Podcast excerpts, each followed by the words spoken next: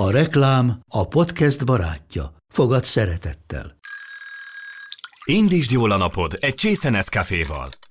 Élvezd minden reggel a gondosan pörkölt kávészemek telt ízvilágát, az Európában 100%-ban felelős forrásból származó kávéból készült Nescafé klasszikkal. Tudj meg többet fenntarthatósági törekvéseinkről a nescafé.hu oldalon. Nescafé. Új lehetőség minden csészében. Ez reklám volt, jó volt.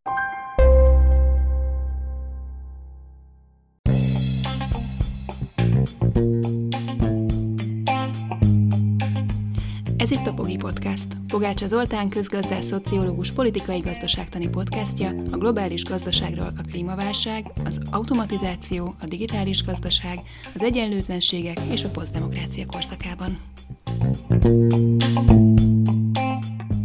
Régóta terveztem, hogy kellene egy kicsit beszélni a világ túlnépesedéséről, Ugye most 8 milliárdan vagyunk, nem sokára 10 milliárd fölé fogunk emelkedni, és sok becslés szerint már most is túlhasználjuk a Földet, azaz a túlnépesedés az masszívan hozzájárul a klímaváltozáshoz, a migrációhoz és rengeteg más problémához. Viszont ugye ez nyilván egy érzékeny terület, hiszen a fogyasztás és az üvegházhatású gázok kibocsátása, a környezeti terhelés az nem egyenlően oszlik el a világban, a fejlettebb világ sokkal többet produkál belőle. Szóval olyan kérdéseket fog feszegetni a mostani adás, hogy hogyan lehet leállítani a népességrobbanást, hol történik az egyáltalán, milyen morális megfontolásokat vetesz fel, és milyen tapasztalatok vannak ezzel kapcsolatosan.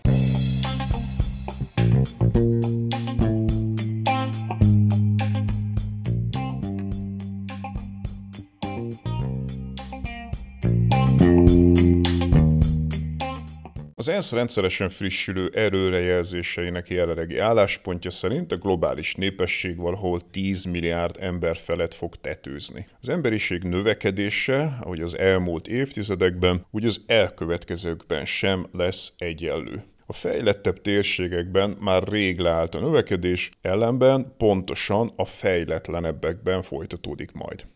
Nem meglepő mindez, hiszen a demográfia tudománya már régen dokumentálta, hogy a fejlettség növekedésével visszaesik a születésszám. Ugyanakkor aggasztó ez a folyamat azért, mert amennyiben a világgazdaság már nem növekedhet tovább, akkor fix erőforrásokat kell majd egyre több ember között elosztani. Ahogy a klímaigazságosságról szóló epizódokban már tárgyaltuk, jelenleg az erőforrások felhasználása és ennek eredményeképpen az üvegházhatású gázok kibocsátása is rendkívül egyenlőtlenül az Oxfam féle híres pesgős pohár ábra szerint történik, ahol a globális felső 20% fogyasztási színvonala produkálja a kibocsátás kétharmadát, az emberiség alsó fele viszont csak a 10%-át. A Párizsi Klímaegyezmény szerint már most túlhasználjuk a bolygónkat üvegházhatású gázkibocsátás tekintetében. Hasonló következtetésekre jutnak az ökológiai lábnyomot kutató tudósok is. De vannak ennél még radikálisabb álláspontok is, mint azt már a 80. epizódban említettük, Václav Smil hangsúlyozza, hogy a masszívan üvegházhatás kibocsátású műtrágya gyártást fel kell adjuk, Enélkül viszont csupán megközelítőleg 4 milliárd embert lenne képes eltartani a Föld, azaz a felét a most élő 8 milliárdnak. Az ENSZ 10 milliárd fő feletti előrejelzése tehát biztos recept az ökológiai katasztrófára. Amennyiben a nem növekedésre való átállás kontrolláltan történik, a fejlettebb országoknak, illetve a globális dél már most magas szinten élő vékony elitjének át kell engedni az erőforrásainak tekintélyes részét a dél szegényeinek. Ahogy ezt szintén tárgyaltuk már más epizódokban, ez már ma is elképesztő mértékű jövedelem transfert jelentene. Olyan mértékűt, amelynek a realitása csekély. Ráadásul a globális dél folytatódó népesség robbanásával ez az újraelosztási igény még csak fokozódik majd. Morálisan elég nehezen indokolható, hogy a dél országait korábban gyarmatosító, majd később már nem ilyen explicit módon, ám továbbra is erős függésben tartó észak hogyan mondhatja azt a délnek, hogy az ott élő embereknek nincs joga ugyanarra a szűk materiális értelemben vett életszínvonalra, amelyet az északiak már évtizedek óta megtapasztalhattak. Nem nyilvánvaló, hogy a jelenlegi globális kapitalista gazdasági rend számára ez a morális megfontolás nem meghatározó, azaz ez a gigantikus mértékű globális erőforrás újraelosztás valószínűtlen. Ugyanakkor, ha a jelenlegi középosztályosodás anélkül folytatódik a globális délen, hogy a bolygó egészét tekintve meg tudnánk állapodni a nem növekedésben és az ezzel járó újraelosztásban, az ökológiai és politikai katasztrófával járna. Ha az elmúlt évtizedek távol-keleti gazdasági csodáját kívánná akár csak részlegesen is megismételni, a ma még fejletlenebb dél, az a globális gazdaság és ezzel egyben a globális környezeti terhelés meg sokszorozódását jelenteni. Márpedig leginkább ez látszik jelenleg a legvalószínűbb szcenáriónak. A globális délen élő szegények a nyomtatott és az elektronikus médiának, illetve a saját elitjük demonstrációs hatásának köszönhetően jól ismerik a ma elérhető magasabb anyagi életminőséget. Az alapszinten szükséges közösségi igényeken, higiénia, csatornarendszer, közlekedés, orvosi ellátás, iskola, felül hamar megjelennek a privát fogyasztási vágyak is. Egy jól szigetelt, kényelmes, temperált ház, egy autó, elektronikus készülékek, később az utazás ugyanúgy az aspirációjuk tárgya, mint volt a nyugat-európaiaké a második világháború után, majd később a dél- és kelet-európaiaké, manapság a kínai középosztályi. Ez egy részük számára megadatik majd, ami további sok száz millió ember középosztálybeli fogyasztását hozza magával. Ezt pedig nem bírja el az ökoszisztéma, a Párizsi Klímaegyezmény céljai nem fognak teljesülni. Ha viszont nem hiszünk a nem növekedésben, illetve nem gondoljuk, hogy az ehhez szükséges globális újraelosztás megvalósulhatna, de valószínűnek tartjuk a globális dél anyagi fejlődési igényeinek további növekedését, akkor már csak egyetlen opció marad, a népesség robbanás minél gyorsabb megfékezése. Az ENSZ előrejelzései szerint, míg manapság nagy népességű, fejlettebb országok fognak abszolút számban is csökkenni, Brazília, Oroszország, Japán, relatíve pedig közepes méretűvé válni, addig a népesség robbanás túlnyomó része csupán 22 országban fog végbe menni. Ezek nagyon kevés kivétellel szegény térségekben vannak. A lista élén olyan országok állnak, mint India, Nigéria, Pakisztán, Kongó, Etiópia vagy Tanzánia. Ezekben az országokban a materiális értelemben vett bővülés nem feltétlenül jár az életminőség javulásával. Példa erre az urbanizáció. A világ legnagyobb városai közé emelkedő Lagos, 1950-ben még 1 millió alatti, ma már 16 milliós, és gyorsuló exponencialitással halad a 25 millió felé, vagy Kairó nem ugyanazt a kényelmes középosztályosodást ismétlik meg, mint Szöul, Szingapur vagy Shanghai. Ezekben az afrikai nagyvárosokban sokmilliós szlömök, bódévárosok és favellák véget nem érő külvárosaiban kezdenek el valamilyen megélhetésért küzdeni a városba özöllő tömegek. A népességrobbanás itt fokozódó nyomort jelent, mert a gazdasági növekedés amúgy sem tud lépést tartani az eltartandó emberfőkkel, azaz az egyfőre eső gazdasági javulás minimális vagy nulla közeli.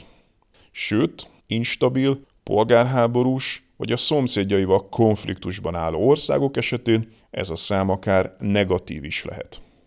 A klímaváltozás mindeközben csökkentheti a folyók vízhozamát, visszaszorulnak a mezőgazdaságilag művelhető területek, ami a népesség robbanással együtt a folyamatos társadalmi katasztrófa állapotát állandósítja. Ennek a nagy része helyben zajlik le, ami önmagában is emberi tragédiák tömegét jelenti. Egy kisebb része viszont óhatatlanul átcsordul majd migráció formájában a fejlettebb térségekbe, amely jelenséget majd külön tárgyaljuk. A migrációs nyomás pedig fokozni fogja a nacionalizmust, a rasszizmust, a határok újrakeményedését és a gazdasági blokkok bezárkózását. Jogosan merülhet fel a kérdés, hogy nem lehetne megállítani a népesség robbanás folytatódását ezekben az országokban. Azonnal le kell szögezzük, hogy ez semmiképpen nem történhet kívülről, erőltetett módon, mint a 20. század etnikai tisztogatásai, hogy az alsóbrendűnek ítéltek, például értelmi és testi fogyatékosok megsemmisítését megcélzó eugenikai mozgalmak. A népességrobbanás csökkentése csak is önkéntes alapon vállaltan történhet. Ahhoz azonban, hogy egy országban a fejlődés következtében leálljon a túlzott gyermekvállalás, elsősorban a nők helyzetének a javítására van szükség. Rendkívül tanulságos e tekintetben az amúgy is kritikus méretű India esete, amely nagy valószínűséggel 2023-tól a világ legnépesebb országa lesz. Bár kívülről gyakran egységesnek látjuk, ahogy azt a téma szakértője Nilakantán hangsúlyozza, India fejlettebb déli és fejletlenebb északi államai között ég és föld már ma a különbség. A déli államok szocioökonómiai adatai már alulról verdesik az OECD standardokat, míg az északi államoké a szubszaharai Afrika szintjén vannak. A déli tagállamok olyan szakpolitikákat vezettek be, amelyek a nők helyzetének radikális javulását hozták el, ami viszont elhozta a születés szám visszaesését. Sokkal kisebb eséllyel halnak meg a nők szülés közben. Nagyobb eséllyel marad életben a csecsemő. A déli Kerala állam csecsemő halandósága 6 ezrelék, egyenesen az Egyesült Államokéval egyelő, míg az északi Uttar Pradesh állami 48 ezrelék a háborús Afganisztánéval. Hasonló a helyzet a várható élettartalmal is, amiben nem kevesebb, mint 16 év különbség van a tagállamok két szélsősége között. Mindennek elsődleges oka az egészségügyi rendszer kiépültsége vagy hiányosságai. Az oktatási rendszer radikális javítása miatt pedig délen jóval nagyobb eséllyel járnak iskolába a lányok, és végzik is azt el, majd kerülnek be akár az egyetemekre is. Ezután pedig olyan jellemzően nem mezőgazdasági munkahelyeket találnak, amely már garantál számukra egyfajta legalább az alsó középosztálybeli státuszt. Ezzel szemben néhány északi államban, mint például Bihar, az írás tudatlanság még ma is eléri a 30-35 százalékot. Délen viszont mára már gyakorlatilag megszűnt, minden gyerek jár iskolába, ahol gyakran ingyenes étkezést is kapnak, mint például Tamil Nadu államban. Kulcsfontosságú volt ezen felül a menstruációs higiéniai termékek ingyenesen elérhetővé tétele. Ezek nélkül ugyanis a lányok hamar kiestek az iskolából, és kiesnek még ma is azokban az államokban, ahol ezeket a közösség nem biztosítja számukra. Ugyanilyen hatása van a megfelelő közbiztonságnak is, amely a szexuális erőszakot előzi meg, amely ismét csak komoly visszatartó erő a lányok tanulásában. A fókusz azon van, hogy minél többen kerüljenek be az iskolákba. Az adatok nagyon egyértelmű összefüggést tárnak fel a lányok iskolába járása és a születés szám között. Ahol a lányok kontrollálhatják saját reproduktív ciklusukat, ott hamar korlátozódik a születésszám, ahol nem, ott messze az egyensúlyi szint felett marad a szülések száma. Ráadásul a képzettségi szint emelkedése nyomán a nők magasabb státuszú munkahelyeket tölthetnek be, és ezért jóval később szülnek először, amely szintén csökkenti a teljes termékeny életszakasz alatt vállalt gyermekek számát. A magasabb státuszú nők gyermekei pedig aztán még magasabb végzettséget szereznek, és beindul egy felfelé emelkedő körkörösség. Érdekes módon ezek a különbségek Indián belül potenciálisan komoly politikai feszültségeket okoznak majd az elkövetkező évtizedekben. Mivel a déli államok népességének növekedése leállt, sőt, csökkenni fog az elkövetkező időszakban, az északiaké viszont markánsan emelkedik, adódna, hogy az északi államok súlya megnő. Ugyanakkor egy döntés értelmében az egyes államok szövetségi képviselőházi helyeinek számát befagyasztották, ami viszont matematikailag azt jelenti, hogy a déli államok polgárai egyfőre jutóan egyre nagyobb beleszólási súlyt nyernek a szövetségi szintű döntésekbe. Kérdés, hogy fennmaradhat-e egy ilyen rendszer akár középtávon. Ha viszont népességarányosan módosítanák a képviseleti arányokat, akkor a rossz kormányzást honorálnák a jó szakpolitikákkal szemben, ami szintén abszurdum.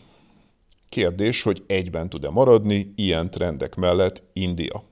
Mi ebből a tanulság? Az, hogy a népességrobbanás leállításának legfontosabb alkotóeleme pontosan az, amivel a nem tudomány, a gender studies foglalkozik, a nők társadalmi helyzetének kérdése.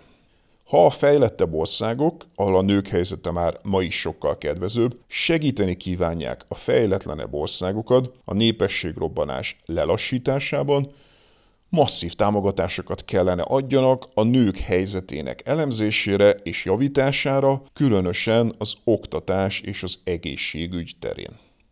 Érdekes eset Kínáé, amely nem is olyan régen még a túlnépesedés rémével küzdött. A kötelező egyke politikával azonban ezt sikerült megállítani. A politika először ugyan állami erőszakkal, sterilizációk és kötelező abortuszok indult, majd heves társadalmi ellenállás nyomán nyílt kényszerből bírságolássá és kampányá finomodott. 2022-ben a kínai népesség először csökkent a Mao-féle éhínség óta, 2023-ban pedig várhatóan India meg is előzi Kínát, és ezzel a világ legnépesebb országává válik. Sokan aggódnak a kínai gazdaság jövőjéért, mondván, hogy az eddig kedvező demográfiai korfa fokozatosan átvált kedvezőtlenné, túl kevés fiatalnak kell majd eltartania túl sok időst. Ez azonban egy tévedés. Ahogy a téma szakértője Wang Feng hangsúlyozza, ez a nézet figyelmen kívül hagyja azt a katartikus ugrást, amely a kínai egyfőre jutó termelékenységben bekövetkezett, és amely vélhetően folytatódik is majd. A népesség emelkedésének megállítása összességében nem csak Kínának érte meg, ahol az egyfőre jutó jövedelem így sokkal gyorsabban növekedhetett, és elkerülhették a harmadik világra jellemző túlurbanizációs katasztrófákat. De elképesztően fontos volt a teljes emberiség számára is. Gondoljunk csak bele, amennyiben a Kínában korábban jellemző 5,5-ös átlagos gyermekszám az elmúlt évtizedekben is fennmaradt volna a világ legnépesebb országában, ma mekkora humanitárius és ökológiai katasztrófát jelentene az a Kína, amelyik így is a legnagyobb üvegházhatású gáz kibocsátóvá vált. Sőt, a társadalmi destabilizáció nyomán akár a politikai instabilitást is exportálhatná, ahogy teszi azt például a közel-kelet térsége. Amíg a nyugat manapság Kínát leginkább a túlzott centralizáció miatt kritizálja, könnyen lehet, hogy a népességrobbanás megállítása nélkül ma Kínát ugyanúgy a politikai anarchia forrásaként ismernénk, mint a 20. század első felében, amikor a császárság megszűnte után a köztársaság helyi kiskirályok és politikai mozgalmak polgárháborújába torkollott, maffiákkal és bűnözéssel megspékelve. Fang Wang szerint nem meglepő, hogy a népesség robbanás megállításának általános politikája Kínában, ha lelkes támogatást nem is élvezett, de passzív elfogadást mindvégig, még ha a konkrét állami erőszak ellen fel is léptek. Szerinte erre jó példa, hogy a Tiananmen téri demonstrációkon sem voltak az egy gyermek politikájával szemben fellépő szlogenek vagy transzparensek, és hogy miután 2015-ben a kampányt hivatalosan befejezte a párt, a párok nem kezdtek el hirtelen ismét több gyermeket vállalni. A támogatottság szerinte azért magas, mert Kína korábbi gazdasági kudarcát a társadalom nagy része a túlnépesedésnek tudja be. Pat Hoffman, a Világbank volt vezető képviselője és makroközgazdásza Kínában, egyetért azzal, hogy a népesség csökkenése pozitív a klíma szempontjából, de nem feltétlenül hozza magával Kína gazdasági perspektíváinak romlását. A már említett termelékenység növekedést ő úgy fordítja le, hogy a humántőkébe történő beruházások miatt egyre magasabban kvalifikált korcsoportok érkeznek majd be a munkapiacra, akik egyre több értéket termelnek.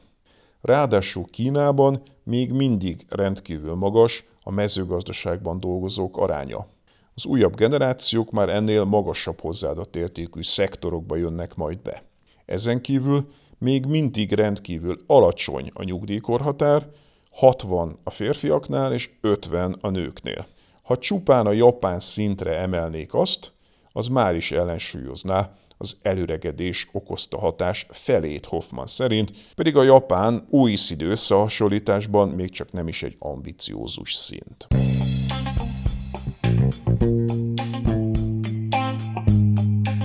Ez volt ma a Pogi Podcast. Ha vitába szállnál az elhangzottakkal, vagy témát javasolnál, keresd a Pogi blog oldalt a Facebookon. Ha támogatnád a podcastot, azt a www.patreon.com per Pogi Podcast oldalon teheted meg. Köszönjük! Ha más podcastekre is kíváncsi vagy, hallgassd meg a Béton műsor ajánlóját. El tudod képzelni, hogy a podcastet, amit éppen most hallgattál, fél év múlva már a mesterséges intelligencia generálja? Mi sem. De ha érdekel, eljött már a gépek lázadása. Hallgass bele az Embertelen podcastbe. Orsós Lajos vagyok, a műsor házigazdája. Egyelőre még élőben. Egyelőre. Fedezzük fel együtt, hogyan ismerkedik, randizik, mesél és vitatkozik Betty és Péter, két teljesen mesterséges intelligencia. Lajos, a podcast címét mond még egyszer, Léci. Oké. Okay. Embertelen podcast. Ez a műsor a Béton közösség tagja.